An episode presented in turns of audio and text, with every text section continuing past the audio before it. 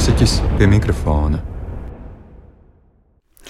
Esiet sveicināti Latvijas Rādio 3 klasika podkāstam Mūziķis pie mikrofona atklāšanas sērijā. Šajā podkāstā, jeb šur raidierakstā, tiksimies ar mūziķiem, lai runātu par šodienai aktuālām tēmām, kas skar ikvienu, kā arī lai vienkārši dalītos stāstos, pieredzē un galu galā atbalstā. Vadītājs pie mikrofona ir Anna Marta Būrvē, savukārt man iepratīm sēž mūziķis pie mikrofona, un tā ir muzikoloģe, valsts akadēmiskā kora Latvija, dziedātāja Lauma Malnece. Sveika, Lauma! Sveika! Es tevi sveicinu pirmkārt ar podkāstu pirmā viesabūšanu, un varbūt iesākumā tu varētu pastāstīt, kas ir tas dzīvē šobrīd, kas tevi dara priecīgu, laimīgu. Es jūtos šobrīd tā, tāda liela pārmaiņa priekšā, par kurām es vēl varbūt pati nemaz nezinu, nenojaušu, bet ir kaut kāda iekšēja paļāvības sajūta parādījusies, kas rada. Es neteiktu laimi, bet tādu klusu, mieru un prieku. Jā, tas man arī ir kaut kāds jaunums. Es domāju, tas droši vien ir arī šīs pandēmijas rezultāts, varbūt arī iespējā. Es nezinu. Un tas iespējams arī ir saistīts ar visiem tiem iekšējiem ceļiem, par ko mēs sarunas gaitā vairāk arī parunāsim, vai ne? Jā, ļoti iespējams. Jā, es arī tādus pieņēmumus izsaku, jo tur nav arī pareizi, nepareizi, arī daudz neskaidrību, daudz nezināmā, bet tā iekšējā paļāvības sajūta, tas ir kaut kas, tas ir tā īpaši. Tēma, kurai šodien mēs pievērsīsimies, būs saistīta ar terapiju, un laikam jau konkrētāk būs jāsaka psihoterapiju. Un eh, runāsim ar tevi gan par to, kas tas ir, kāds ir process, kādas ir tavas atziņas un ieguvumi, un, protams, darīsim to caur tavu stāstu, caur tavu pieredzi. Un varbūt varētu atklāt, eh, cik ilgi tu ej terapijā un kādu terapijas metodu tu ar savu terapeitu pielieto. Mm, tā, jā, padomā, tā saka, tas sākās laikam jā, 2017. gada, sanāk, piektais gads jau ir vienkārši tāds arī jāgadiet, cik ilgi. jā, mans terapeits ir tiešām izcila, izcila personība un cilvēks un ārsts. Tā ir Junga analītiskā uh, metode, un jā, es tā īsumā nonāca tādā ļoti dziļā krīzes brīdī, ka tas bija tāds psiholoģiskās izdzīvošanas jautājums vispār. Ja es tur nebūtu darījis, nezinu, kāds būtu beidzies. Bet šobrīd tas jau kļūst par tādu drīzāk mm, nezinu, iniciācijas ceļa, personības tapšanas un kļūšanas par pieaugušu, pieaugušu nobriedušu cilvēku jautājums. Vai tu varētu vairāk pastāstīt par šo junga dzīļu terapiju, kā tu varbūt to saproti un kā tas attiecas uz tevi? Jā, man bija tāda bail, ka tu man to jautāsi, jo tāds, oh, kā tad vajadzēja sagatavot kādu referātu pirms to, jo, nē, nu, jā, tieši, nu, es varbūt nepretendēju tagad, zinu, iedziļināties, varbūt tā vajag smalki, bet tādās lielās līnijās, tas, protams, ir pamatā darbs ar zemapziņu, ar šo milzīgo, tā teikt, psihisks resursu un šo saturu integrāciju tavā apzinātajā prātā, jo tas viss, kas ir zemapziņā, tas arī ietekmē, principā, visu mūsu dzīvi tādos veidos, kādos mēs vispār nevaram iedomāties, un kā mēs arī pat kā teorētiski jau zinājām, un, tā, un tā tās idejas jau likās tādas, jā, nu, interesantas teorētiski, bet tagad tu to pieredzi uz savas ādas, un tas ir vienkārši tā ir kaut kāda. Absolūta revolūcija, vienkārši pilnīgs sprādziens. Un tā ir tā viena lieta, jā, kur ir arī noglabāts gan visas tavas sāpīgās pieredzes, visas apspiestās emocijas, neapzinātās. Un tā teikt, šo visu saturu lēna pamazām integrācija. Mm, tas nav intelektuāls process, pirmkārt. Nē, tas, tur ir arī ļoti daudz arī intelektuālās puses, jo ir pirmkārt tā tā prāta apzināšanās, tas racionālā skaidrība, mentālā skaidrība, bet tas īstais. Tās pārmaiņas un tā teikt, arī šo destruktīvo paternu izgaisināšana notiek tikai tādā dziļā emocionālā procesā, kas arī ir ļoti grūts un arī nu jā, viņš nav vienkāršs. Tā ir tāda viena lieta, bet es saku, otrs tā lielā puse, es domāju, ka mēs arī tā kā esam lēnām sāku jūt, ka viņi arī ienāk, kas ir viens no tiem jungliem atklājumiem, ka arī mūsu nu, psihi un šī zemapziņa satur ne tikai kaut kāds mūsu es, tā teikt, personības kaut kāds veidols, bet arī visu to ceļu, ko ir nogājis cilvēks pirms mums, un visus kaut kādus lielos tādus arhetipus.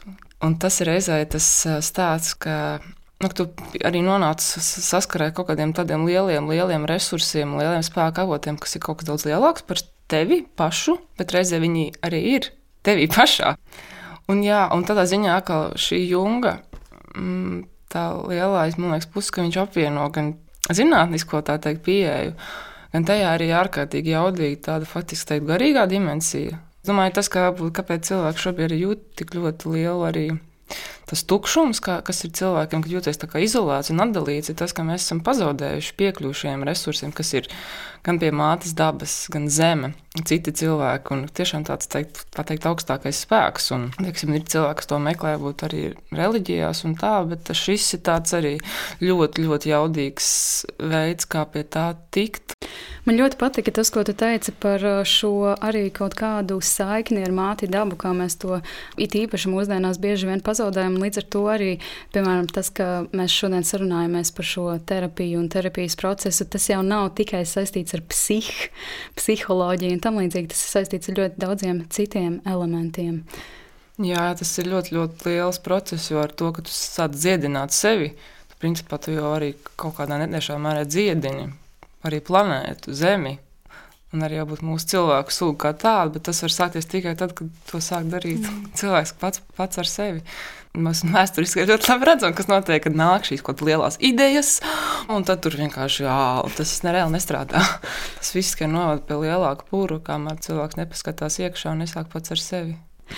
Klauta pieminēja, ka šī mūsu zemapziņa bieži vien tiešām ir noslēgta, un līdz ar to caur arī šo junga metodi tu kaut kā piekļuvi tai klāt.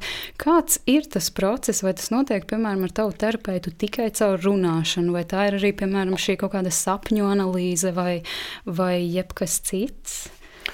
Jā, nu sapņi noteikti ir milzīgs tāds resurss un avots, jo sapņi piedāvā ļoti tīru informāciju. Tas mums nāk ļoti tādā brīžiem pilnīgi kreizī simbolu valodā, bet tā ļoti, ļoti arī jaudīgs resursus. Tas man arī bija kaut kāds pirmās reizes, kad mēs ar to skāpju skatījām. Man pilnīgi gāja ārā, vienkārši tā kā ar žoks man vaļām. Tāds, oh, ak, Dievs! Un tad tu jūti, ka kaut kas tur iekšā kaut kas pārslēdzas, un tu īsti nesaproti. Man, cik man grūti kaut kā mēģināt to racionalizēt, kaut kā pat saprast, jo tur īstenībā ļoti daudz arī mistiskā savā veidā. Tur ir Jā, tas, tas laikam man tik ļoti fascinē šajā visā, ka tur ir reizē gan šī tāda tiešām ļoti mentāla, racionāla klātbūtne un reizē kaut kāds tāds mistiskā, šis lielais resurs, kas ir kaut kas lielāks par tevi pašu. Nu, piemēram, arī. Kad mūsos kaut kas arī nu, izraisa kaut kādas ārkārtīgi spēcīgas emocijas vai nāja, tā ka to mēs pilnīgi personificējam.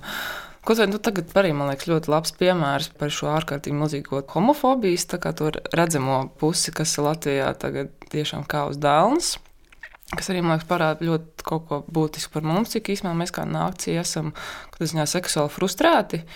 Tas pat, pat nav tik daudz par partnerattiecībām, ja par seksu, bet par tiešām kā tādu sevis apzināšanos kā seksuālu būtni. Viena laba draudzene pateica tādu lietu, tas pat skanēs smieklīgi, bet viņa jā, kad tā kā nav kontaktā ar jostas vietu latviešu. tas skan par šo sevi brutālu primitīvu, bet tur kaut taisnība ir. Un es neticu, ka seksuāli apmierināts cilvēks, kurš ir saskaņā harmoniski ar sevi, kuram vispār būtu raksturīga homofobija. Ja tev var patikt vai nepatikt homoseksuāli, tas vispār nav par to.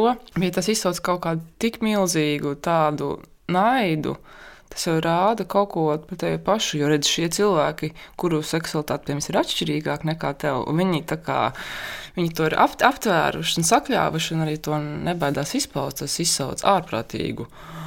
Un īstenībā tur ļoti liels, eh, tas ļoti labs starta punkts, lai sāktu strādāt ar sevi un ieraudzīt, kas ir tās lietas, ko es sevi nepieņemu, kas, kas tas tāds ir, ko tas rāda par mani. Tas ir diezgan nepatīkami ieraudzīt sevi tādā daudzās šādās gaismās, un man arī ir bijuši daudzi momenti, kurus arī esmu daudz ko projicējusi, cilvēkiem kaut ko novadījusi, un tad tā kā bomi dabū vienkārši.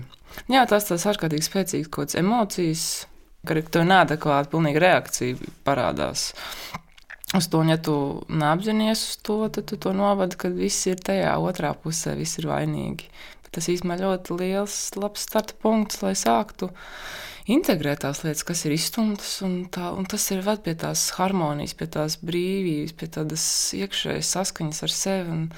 Tas ir tik skaisti, tas ir tik grūti, brīžiem mokoši, bet tas ir tik atbrīvojošs un ļoti, ļoti brīnišķīgs process.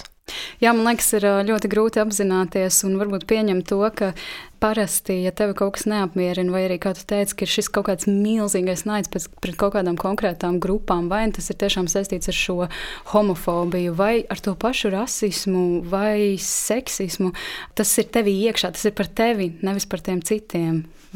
Jā, tad saprot, kas ir tas deglis, ka tevī ir šī munīcija principā.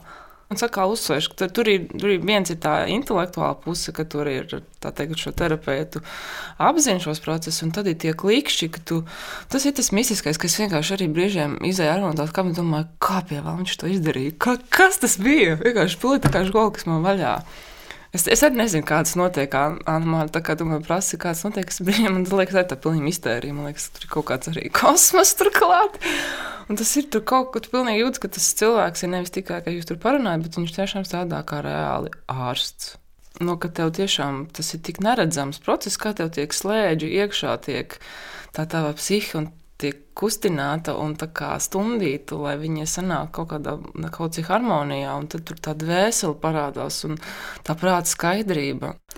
Šobrīd klausītājs vēlos iepazīstināt ar svarīgu podkāstu sastāvdaļu, un viņas vārds ir Diana Zanda. Viņa ir certificēta psiholoģija, klīniskajā un veselības psiholoģijā, kā arī kognitīvi behaviorālā terapeite. Kā zināms, terapija veidi ir dažādi, un arī speciālisti ir dažādi, ko arī pirmīt jau Lapa pieminēja. Tāpēc Diana mums tagad pastāstīs par to, kas ir psihiatrs, kas ir psihologs, kas ir psihoterapeits un ar ko tad viņi cits no cita atšķiras.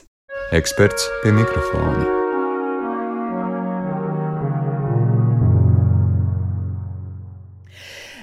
Nu, tā tad ir uh, vairāki psihi.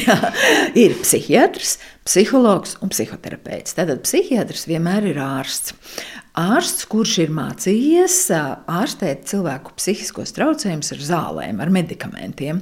Psihiatrs uzstāda diagnozes un ārstē, un psihiatra palīdzība ir ļoti, ļoti svarīga tajos brīžos, kad traucējums ir smags. Tad šīs zāles palīdz sakārtot cilvēku bioķīmiju un stabilizēt viņu. Un tas ir līdzīgi kā tad, kad ir plaušu karsonis. Tad ar kumelīšu tēju būs par maz, ja tad patiešām antibiotikas ir vajadzīgas. Un tad, kad cilvēkam ir kāds patiešām nopietns psihisks traucējums, tad noteikti svarīgi ir saņemt labu psihiatra palīdzību un adekvāti, sakarīgi lietot zāles, kā tās iesaka. Psihologs. Psihologs nediagnosticē un neārstē. Psihologi veic izvērtēšanu, un mēs varam veikt uh, emocionālās sfēras izvērtēšanu, kognitīvās sfēras izvērtēšanu, personības sfēras izvērtēšanu.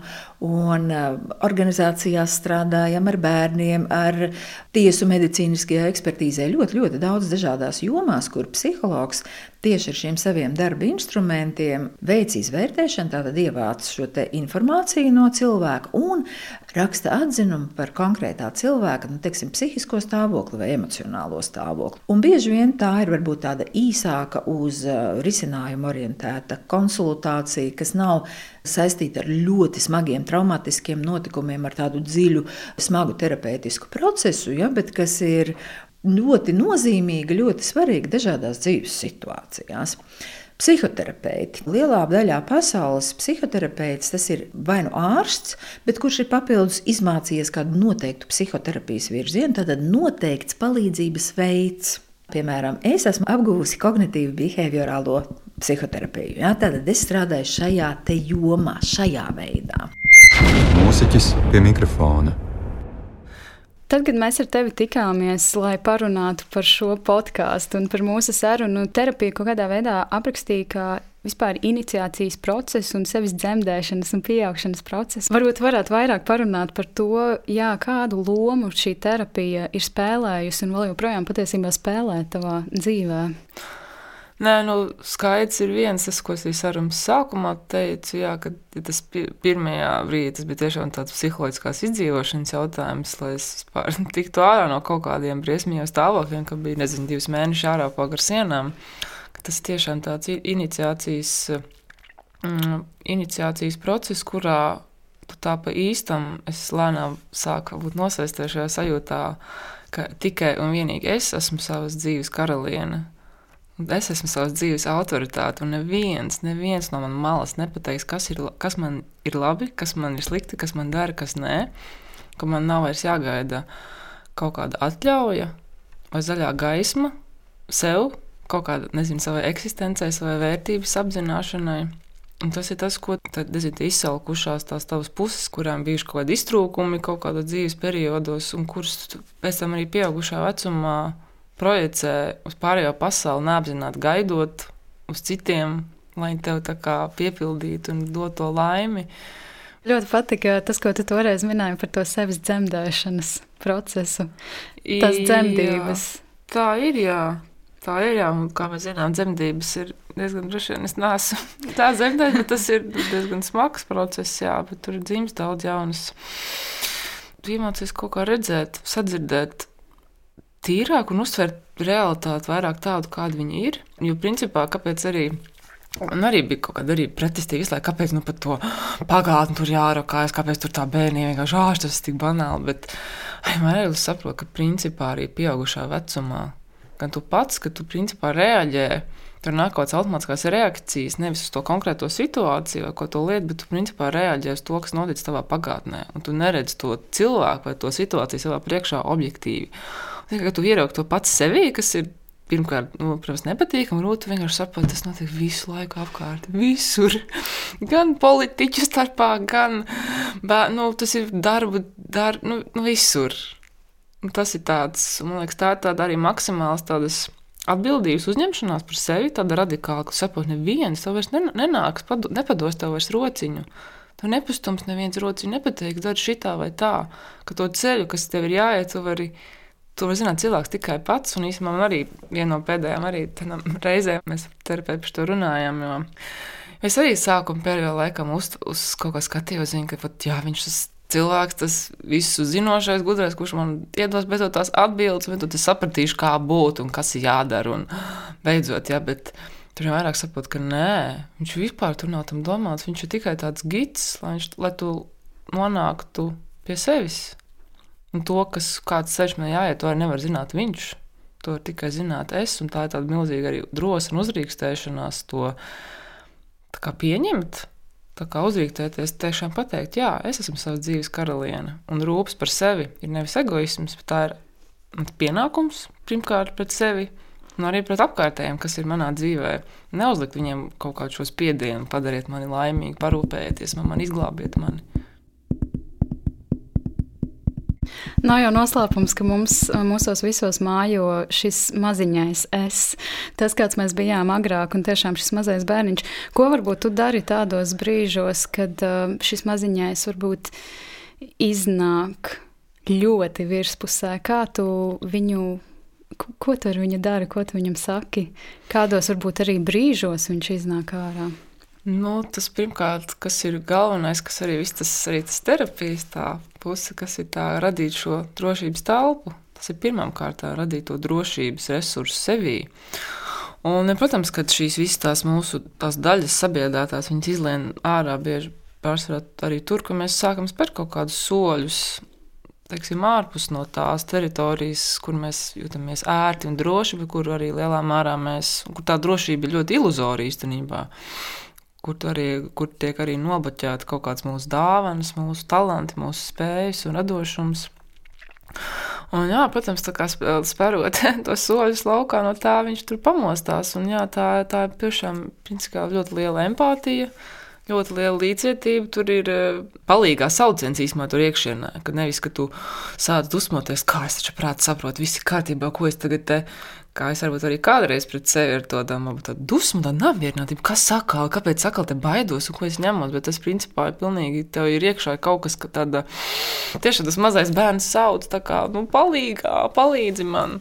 Un tas tas paradoxālais, kad arī tad, kad tajos brīdis tu mēģini, kā, gribi to resursu un to atbalstu pa katru cenu, lai te nomierina ārpasaulē. Kas, protams, arī svarīgi, ka tādi atbalsta punkti ir, bet to īsto tādu, tādu ultimatīvo tādu ultimātu, kā to Latvijas pateikt. Nu, tad tādu galējo. Nē, nu. Mēs varam palikt pie ultimāta. Jā, ultimāta tiešām to pusi var dot tikai tu pats, kā pieaugušā šī cilvēka apziņa. Tas maza, maziņais tur justos kā drošībā un kā teikt, nu, tagad ar mani tu to vari darīt. Viss, es to nekur nepametīšu. Tā kā mēs varam iet tālāk. Un tas, ka tas maziņais tā kā tur ir tā drošības sajūta, tad tur nāk, beidzot nāk laukā tās mūsu īstās dāvanas un nav vairs tā kā bail un kauns no tā. tik lielā mērā, varbūt, kā tas bija kādreiz. Klau, tu ļoti daudz darbojies ar rakstniecību, un konkrētāk tieši arī ar kritiku. Un patiesībā tā, gatavojoties mūsu sarunai, es tā vispār par kritiku tā padomāju, ka jā, no vienas puses tā ir kritika pret citiem, kas ir tādā profesionālā nozīmē, nu, ko mēs saprotam ar profesionālu, bet no otras puses tā noteikti arī ir savā veidā kritika pret sevi, bet šoreiz jau tā ir kaut kāda emocionāla, psiholoģiska. Uh, varbūt tu vari pastāstīt par kaut kādiem šiem saviem procesiem kritiķa darbā? Jā, jā, jā varētu noteikti. Zīmēs varbūt pārfrāzēt nevis kritika pret sevi, bet es arī to kaut kādā nes, nes, nesen sapratu. Tā pa īstam līdz kālam, ka tās tā teikt, kritikas vai tie tā saucamie vērtējumi par, tiem, par to koncertu vai par to ierakstu, par tiem mūziķiem, ka tas jau liecina tikai par mani pašu. Ne jau par viņiem. Tas ir tikai man, manis pašas kaut kāds atspoguļojums. Nu, jā, un es saprotu, šī kaut kā tā mūzikas kritikas puse man arī ļoti daudz ko iekustināja un izcēla visādas arī grūtas lietas. Un, protams, viena no tām tas ir bijis arī mans autoritāšu komplekss.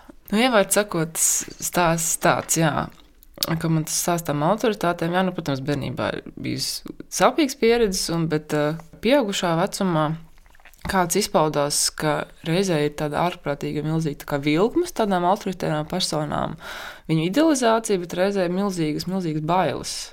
Saprotu, tāds it kā tāda arī iekšējs milzīgs mm, konflikts, un ar to mirkli es arī sāku mm, vairāk kā šajā mūzikas kritikā.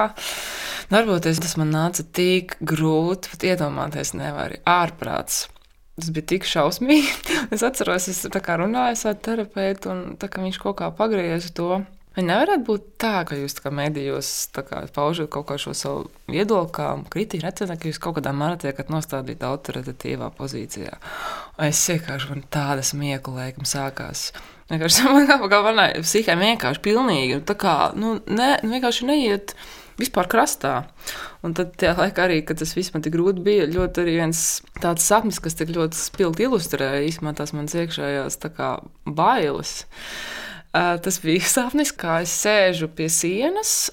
Un tad ir diriģē Kristians Tīlemans, viens no izcilākajiem mūsdienu Vāgneru diriģentiem, kur arī es ļoti, ļoti cienu un abrīnoju. Un viņš tajā sapnī ir kaut kāds gigantisks. Vienkārši es esmu piespiests pie sienas, kā tāda maza, maza, vienkārši es saplūku. Vienkārši tik. Manā psihē tajā periodā bija vienkārši viss šādi autoritatīvi tēli, kur priekšā esmu kāda maziņa, maziņa, maziņa sarūka. Nu, un es pat vairs neatceros, kā tas man tagad tā ir kaut kā rezultējies. Tādu rezolūciju man parādīja viens kaut cits sapnis kas arī bija salīdzinoši nesen. Tā kā bilde, kur ir Latvijas Nacionālā opera, un tas ir viens kadrs, kur ir diriģējis Andris Nelsons, ko es ļoti skaidri atceros. Ir orķestris kaut kāds, un tad pēkšņi un man ir jābūt tā diriģenta vietā. Un es atceros, un es tā kā sapnīju, tāds, tā kā, paka, paka, kā tā, un, tā kā, un apkārtējiem tā kā atbalsts, un tā pirmā viela, tā kā viss kārtībā. Es saprotu, tas taču, ko es taču nemāku es vicinos. Un saprotu, un viss tur notiek, un tas simboliskā veidā parādīja, ka es esmu kaut kādā simboliskā vietā, no kuras tik nenormāli esmu baidījusies. Un tas nav pats tāds par diriģentiem, vai kas būtu kaut kādā autoritīvā pozīcijā, vai tur varas pozīcijā, vai tam līdzīgi, kas man vispār neinteresē. Bet tas ir tas stāsts par šo spēku sajūtu, kad es esmu savas dzīves autoritāte. Tikai un vienīgi es, no kā man bija tik ārprātīgi bail, un šis sapnis beidzot parādīja, ka nē, tu tur esi. No tās vietas, no kā tu šausmīgi baidies, un viss ir ok. Tad man izdevās kaut kā arī vieglāk to uztvert. Un tāpēc es nu nevaru tagad nosaukt tādu vienu, o, oh, to atklāsmes brīdi, bet uh, tas tiešām ir tāds, uh, tāds garš ceļš, kas ir noiets un par ko es noteikti jūtos daudz, daudz vieglāk. Bet tas sākums, tas bija jāši, tas man tā baigi, baigi izcēla laukā. Un līdz ar to arī ir mazinājusies kaut kāda šī idealizācija vai vilkmes. Tā, un tas ir, un tur atkal nostrādāja kaut kāda arī Gan šī projekcija, gan ēna, kad mēs šiem cilvēkiem, nu, kad ir kaut kādi cilvēki, kurus mēs nepazīstam, bet ir kaut kāda ārprātīga, nezinu, vilkma vai kaut kā mēs nesaprotam, tu tik, ka principā mēs uz viņiem novadām kaut kādas nu, īpašības, ko mēs sevī negribam integrēt. Un tās ir gan sliktās, gan labās īpašības. Manā gadījumā tā bija šī kaut kāda savas spēka apzināšanās, bet nevis kaut kādās varas vai pārākuma kontekstā vispār nē. Bet tieši šajā, kad es esmu savas dzīves teikt, noteicēju un vadu stūri. Tā ir tāda viena, lieta, un arī, tostam, arī tā kā, protams, arī viss šīs sliktās. Tāpēc tas šis banālais teiciens, tev nepatīk citos tas, kas tev nepatīk sevi. Nu, tad es beidzot arī sapratu, ko tas īstenībā nozīmē. Ka tur ir kaut kāda puse, kas pilnīgi kliedz tevī, ieraugi mani. Es gribu būt, lai tu mani ieraugi un pieņem mani. Un tad viņš tev izpaužās tā apzinātajā dzīvē, jā, ka tev vai nu izsauc šādu šausmīgu nu, naidu, nepatiku, cits vai arī kaut kādu ārprātīgu idealizāciju tādu, ah, kāda man bija ar ilgu laiku uz tādām autoritatīvām personībām. Un tagad tas ir tādā vieglumā, un tad jau tur arī tu noņem kaut kādu to smagumu nost arī no tiem cilvēkiem, ka tu viņus arī redzi objektīvāk, tādu kādas viņas ir, bez savu projekciju kaut kāda vezuma. Mūziķis pie mikrofona. Tu minēji, ka pašā sākumā tās bailes tev bija lielas nu, saistībā tieši ar šo kritiku. Vai tas bija saistīts tikai ar autoritāšu kompleksu, vai tas bija vēl, vēl kaut kas klāts? Nu, domāju, ka viss kaut kas, kā man arī, es vienmēr biju tas cilvēks, tas, jā, es kaut kā tiku, nezinu, audzinātā, kad es tikai labiņa, nesaku neko sliktu. Tikai labi, ja, tev, ja tu kaut ko saki, tikai tad, ja tev kaut kas labs sakāms, esi labiņā. Un es, tā bija mana kaut kāda arī šī attīstītā identitāte, kas principā nebija. Kas vispār nebija es pati īstenībā, ka tā viņa izveidojās tā saucamā maska vai persona, lai es varētu izdzīvot šajos sociālajos kontekstos, kuros es biju un augu. Un līdz ar to tagad man tagad teikt publiski par šiem cilvēkiem, kurus es tā apbinu, ka vienkārši, oh, vienkārši ir kā kosmos, ārprāts, bailes. Vienkārši likās, ka es tikšu nezinu, piesistu krustā, vai nu kāda pilnīgi neadekvāta vienkārši tā emocionālā reakcija. Un es, es tā grūti pateikt, bet tagad ar to skatu kaut kā pilnīgi vēl, es tiešām arī sapratu, ka tas vispār, tas ir tikai par mani pašu, manas pašu atspoguļojums. Un tas ir tā interesanti, ka, ka tie arī nu, Delfijas lāna saviem komentāru sadaļu. Un, protams, tas arī bija tāds savā veidā arī interesants pārbaudījums, ka redzēja, ka, teiksim, tur desmit stāvos es tieku lamāta, tā kā parīcā man, manu privāto dzīvi, un vēl es kaut ko, un tā, ka es arī, tā kā, arī atpazinu, apmēram, kas pat būt, ka tie cilvēki, kas man tā kā pazīst. Un tad man arī kaut kas tā kā noklikšķēja, tā kā, ah, Tā kā principā nav jau nozīmes, vai es uzrakstu izcilu labu recenziju vai sliktu recenziju. Nu, nevis tieši tādā slavinošā ziņā, bet tieši par savu pēdiņas sniegumu, kāda ir recenzijā kvalitāte. Kad nav nekādas nozīmes. Tie komentāri arī tikai parāda tikai tiem pašiem cilvēkiem. Un tas, vai tie cilvēki, tie mūziķi vai komponisti to viņus tas aizvaino vai kaut kā aizskar, tā jau arī man vairs nav mana. Tā teikt, atbildība. Es, protams, varu darīt vislabāko, pietiek, pēc iespējas tā teikt, diplomātiskāk, kaut kā censties, bet teikt, būt reizē nepazaudēt to godīgumu pret sevi. Jo tas es nekad, nekad Dievs pasaka, nebūtu ar mērķi kādu nospārdīt vai nolīdzināt ar zemi. Bet īstenībā man arī ja, ir baigts arī liels pārnās par šo kā, jo, kritikas jomu, vai tas tiešām, tiešām ir tas, kas man būtu jādara. Jo man ļoti patīk klausīties mūziku, rakstīt par to, reflektēt, bet tieši šajā kaut kādā pozīcija, vai tur mūzikas tā kritika. Es, es, es nevaru saprast. Man tas... vispār liekas, ka tam vārdam arī tā, tādi kaut... netīrumi apkārt. Netīra, kā... netīra sajūta tam vārdam, ka tas, tas ir tikai kaut kāda manas refleksija par to, kas tur ir noticis un viss. Un kaut kāda tie strīdi, kam tas ir vajadzīgi, kāda jēga, nu tur nav nekāda jēga. Ja man tas vienkārši patīk, man par to maksā, kāpēc to nedarīt. ne, tas skan kaut kā šausmīgi triviāli, bet jā, kaut kā arī es pat arī sev esmu censies noņemt nošu kaut kādu šo ka man kāds mans viedoklis, kaut kāds eksperta viedoklis vai kaut kāds tāds. Man tas vispār ir rokas, nē, lūdzu, nesakiet tā, man ir, ah, tas ir manis kaut kāds sajūtas pārdoms, kas liecina tikai par mani pašu. Nu, līdz ar to tas, jā, tas teiciens neuztver citu teikto personīgi, iegūst pilnīgi citu jēgu. Tur ir saprot, ka tie cilvēki, ko arī saka par mani, tas jau tikai liecina, nu, arī tas, ko es piemēru, ka, ka arī par maniem uh, nezinu, to došanos manos solo ceļojumos, tos trakajos gājienos, un tā, ka tie teksti vienkārši īstenībā tieši no latviešiem, ka esmu pilnīgi traka, mēs trakā meitene. Un zinu, man tiešām ir bijis, kas, nu, kas saprot vienā brīdī, ka tas jau liecina tikai par viņu pašu cilvēku bailēm. Kas tas kā, ko mans kaut kāds šāds solis kā izsauc, tas man arī pagāja kaut kāds laiks, to saprast. Es tik paradoxāli, ka, teiksim, ka esmu ārzemēs arī šajā. Es te kur neesmu saņēmis kaut kādus tādus komentārus. Nu, protams, tāda tā kā būtu, oh, ir forši, tā kā drosmīgi, bet pilnīgi tādu, uh, nu, tas arī kaut ko parāda par mums. Jā. Es īstenībā šeit vēlos ieslidināt arī vārdu savienojumu kognitīvā disonance, jo tas arī patiesībā viss, ko tu minēji tagad iepriekš par to kritiku. No vienas puses šī darba ārkārtīgi liela mīlēšana, no otras puses visu laiku šis satraukums, ah, vai, vai, es, vai es labi pateikšu, vai viss būs kārtībā, ah, kurš, ka, ka, kas ko par mani uzrakstīs un tam līdzīgi. Eksperts pie mikrofona. Kognitīvā disonance tas ir, kad man kaut kas, ko es daru, nav īsti pieņemams. Piemēram, smēķētājiem var būt kognitīvā disonance. Tātad es smēķēju, bet vienlaikus es apzinos, ka smēķēšana ir draņķīga lieta.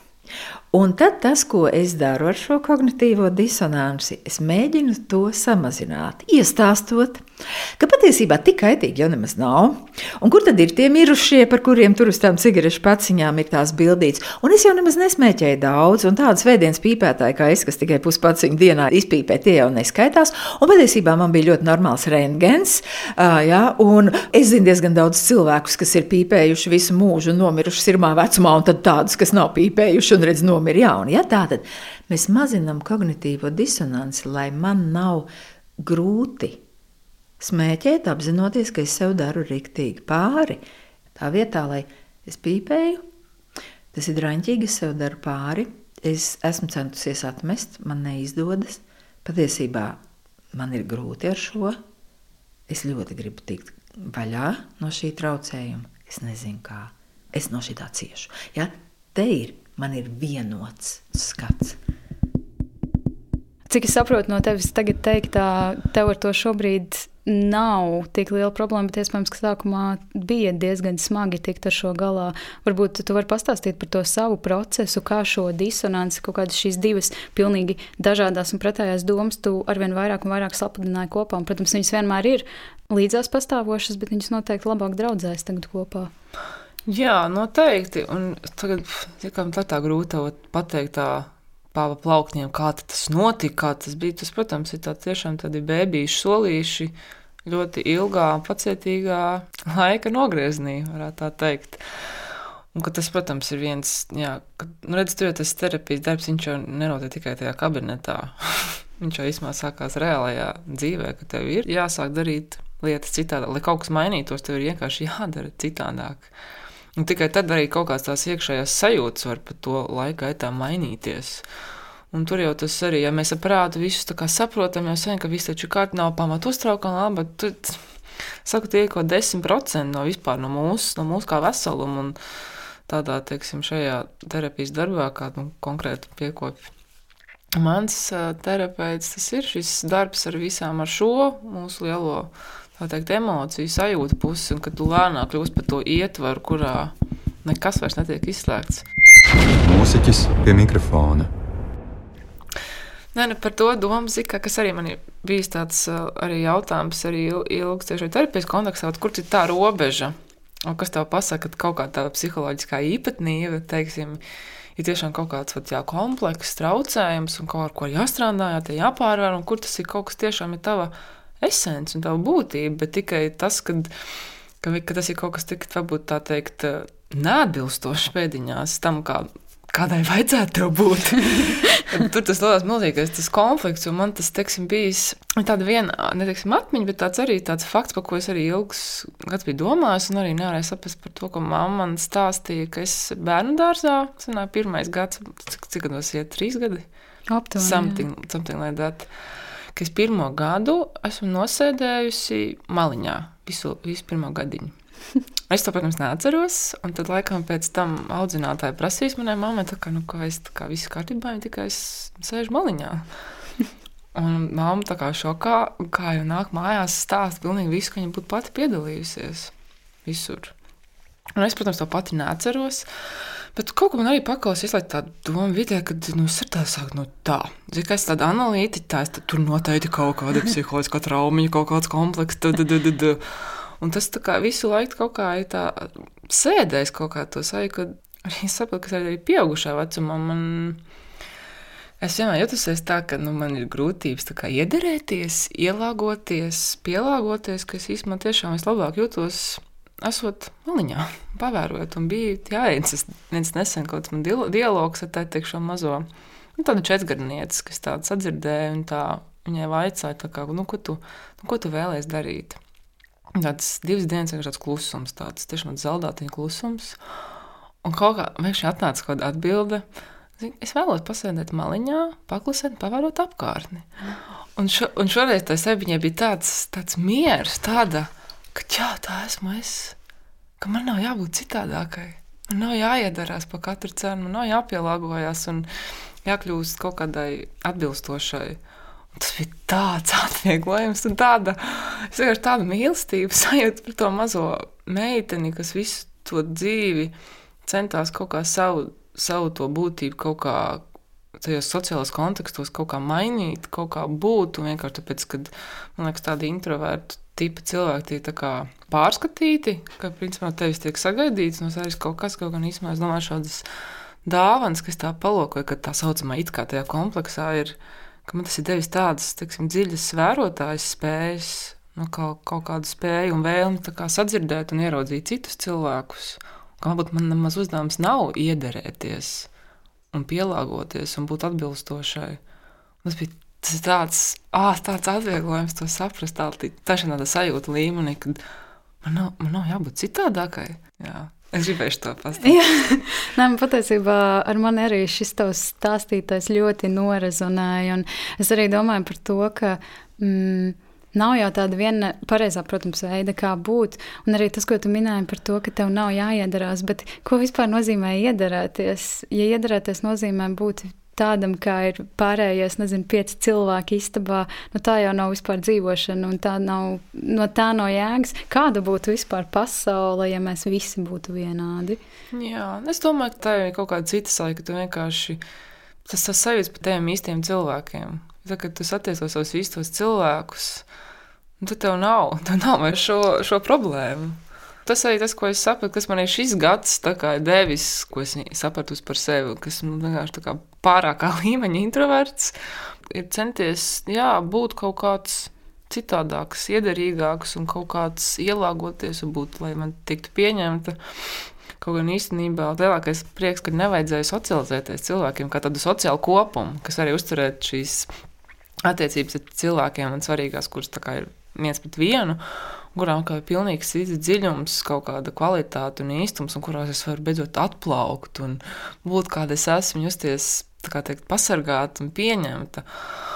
Un tas bija tāda, arī tāds atvieglojošs moments, to saprast. Tāpēc man īstenībā, īstenībā baida. Tas, kā tas viss tā kā runā, kā gribas atkal, viss būt vecajās lietās, viss notiek, man tāds, ak, Dievs, es nezinu, kā būs. Man, man es uztraucos par to bišķīt vai Jā, kā es jutīšos, kad ir tiešām tāda apmēra tas viss atgriezīsies. Es nezinu. Tik ļoti pieķēros pie tā, ko tikko teici par to, ka tā pietuvināšanās citiem, vienmēr cenšanās pietuvoties citiem. Un kāpēc jau arī visas tās lielākās problēmas ir cilvēkiem? Tāpēc, ka Jo tu vairāk pietuvinies tiem citiem cilvēkiem, jo tu attālinies no sevis. Tas tieši tā arī izskatās, ka tu tur esi un vienkārši. Jā. Bet, ja tu pietuvinies teikt, tiem īstiem cilvēkiem, viņi tev atkal palīdz nonākt pie sevis. Tad tu plauksti un plauksti. Jā, tad jā. tas ir jautājums, kad es arī biju, nu, ka tu ir kaut kāds pazaudēts iekšējais radars, kurš tā kā tev liecina, o, šitā, tā kā tas ka jā, tā kā nē, tā kā nē, un tad tu vienmēr zini attaisno kaut ko savā galvā. Ah, nu, tā kā problēma jau ir manī. Īstenībā tas ir pilnīgi cits stāsts, ka tur tas iekšējais radars šo saņemto signalizē. Vienkārši tev ir jāiemācās uzticēties viņam un sargāt. Un zināt, ka tās īstās veselības pie tevis atlidos, un tad jūs varēsiet tādā kaut kādā kopējā plaukumā dalīties. Mūziķis pie mikrofona atpūšas. Nezinu, vai es pareizi teikšu, tu man izlabo, bet liela tava dzīves daļa nozīmīga arī, kas saistīta varbūt ar kaut ko pilnīgi ārpus muzikālu, ir šī ceļošana, ko tu jau mūsu sarunā pieminēji. Kā tu līdz tam nonāci? Jo tu tiešām arī cilvēki var pasakot tavā Facebookā, tu tādas dienas grāmatas tur rakstīji, tu dodies vis tiešām, es pat nezinu, kā aprakstīt visfantastiskākajos ceļojumos, par ko tiešām, kā arī tu teici, cilvēki saka, trakā, dulā. Kā tu nonāci līdz šai ceļošanai, vai arī tas kaut kādā veidā varbūt ir arī ceļš pie sevis? Noteikti, tur arī bija kaut kāds. Ja es atceros diezgan kaut kādiem arī pusauģu gada vēlākie gadi, kad jā, man bija kaut kāds resurs, ka gribēju sevi pieteikt. Tā kā man bija tās laika, kad es gribu paņemt to mugursu un vienkārši iet un doties un bez plāna un tiešām arī kaut kādus fiziskos izaicinājumus. Bet redzi, es ko iepriekš teicu, ka, jā, ka man, man tā, atteikt, sociālā identitāte, vai tā teikt, persona vai maska bija šī kaut kāda klusā pelīte, pareizā, kārtīgā meitenīte, kas visiem ir labiņa un kas vispār īstenībā nebija es pati, bet tā bija. Viņa izveidojas attiecīgos, nu, tiem sociālajiem kontekstiem, kuros es biju. Un tad, lūk, kaut kāds šis iekšējais resurs, viņš man tur kaut kur visu laiku kņudinājās. Un redz, arī tas, tas fizikālais aspekts, un man, kas man arī īstenībā, ko es biju kaut kā arī no pēdējos gados, viņš arī bija kaut kur nodusējis. Es šeit no 12 gadus trenēju distanču slēpošanā, jā, es biju Latviešu jauniešu izlasē, un tur man ļoti, man ļoti patika, un tas ir ļoti smags sporta veids. Un uz viena teikt, izaicinājuma šie abi lielumi satikās. Un, jā, un tagad es kaut kā to atskatos. Es saprotu, ka tā tiešām bija tas iekšējais kaut kāds sauciens, kas tiešām gribēja integrēt. Zemapziņā vienkārši tur kaut kas tiešām kliedz, vienkārši integrēt šo, šo iekšējo autoritātes sajūtu, šo savu spēku sajūtu, un kur tā mazā pelīte vienkārši iet dēt. Kaut kā viņam ik pa laikam viņa jau kaut kur ir, un viņa jau ir kaut kādā ziņā daļa no manis. Tas man arī noteikti palīdzēja ieraudzīt to, ka es esmu daudz drosmīgāk nekā man likās. Jo es tiešām es biju tā apaugusi ar tās mazās pelītes identitāti, kas man vienkārši mani smacēja nost. Es nebiju spējīga no viņas izraut, lai pat prāti sapratu, ka es tāda neesmu, bet tas iekšējā tev. Tas viss vienkārši tur brēc, vienkārši bail būt redzamai, dzirdamai, bet reizē es ļoti gribu, lai man redz un dzird. Nu, tāds iekšējā tiešām tāds konflikts milzīgs. Un tā došanās jā, ceļos un garos pārgājienos grūtos, tas man ir tiešām ļāvis integrēt kaut ko ļoti, ļoti būtisku, kas ir vienmēr bijis daļa no manis, bet viņš tur. Jā, kaut kāda pieredze rezultātā ir bijis, viņam bija nācās tikt izslēgtam.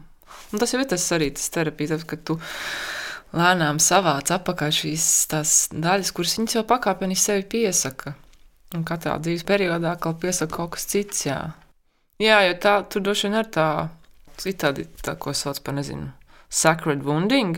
Nu, tā daudz garīgie skolotāji par šo runā. Ir kaut kādas tās lietas, jā, tie it kā, ko mēs varam uzlūkot kā tādus kompleksus, bet īstenībā kuros ir ļoti tāds dāvanas. Man, jā, jā, tā ir bijis tā bailes būt redzamai un dzirdamai, bet reizē ir tā kā klusa vēlme, lai tomēr mani arī ierauga. Un es jūtu, ka tas ir kaut kāds, varbūt tajā ir kaut kāda dāvana, ka man ir tik ļoti svarīgi, lai citi cilvēki manā klātbūtnē justos sadzirdēti un ieraudzīti tādi, kādi viņi ir. Tā kā tas kaut kā novadījies kaut kā tādā veidā. Es nezinu, es varu tagad filozofēt, man ir kaut kāda tāda sajūta par šo lieta, jā, tur arī tā mazā meitene, kas gribēja pasēdēt maliņā, ka te jautājumu, kāpēc tu klusa? Tas kārtībā. Nē, kas, jā, kā būtu šiem cilvēkiem, kas ir tādi introverti, dziļi, un kuriem ir grūti sociālajos kontekstos, ir kaut kāds daudz lielāks dāvans, kuras, man liekas, mūsu sabiedrībā pietrūkst šī empātija, līdzjūtība, jā, vēlam ieraudzīt cilvēku tā pa īstām viņu sadzirdēt. Mūsu sarunu noslēdzot, Lauma, vai tev ir kādi atvadvārdi mūsu klausītājiem, cilvēkiem, kas arī varbūt ir uz šī paša ceļa, ceļa pie sevis, tādi, kas arī ir ieinteresēti šajā un ļoti domā par to?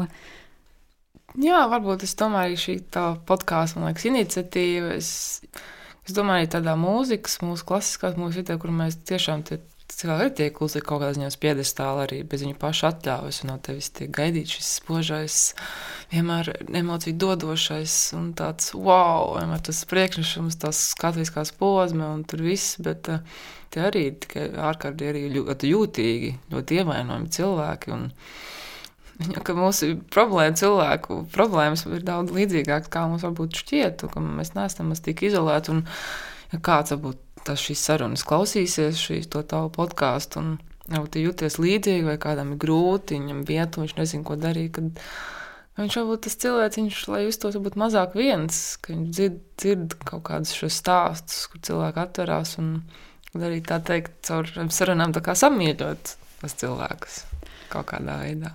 Jā, un mēs tiešām abas, es domāju, varam visus, visus samīļot šobrīd, gan vienu otru, gan sevi, gan arī pārējos. Un, Lām, es tev saku lielu, lielu paldies par šo brīnišķīgo sarunu. Mūsiķis pie mikrofona.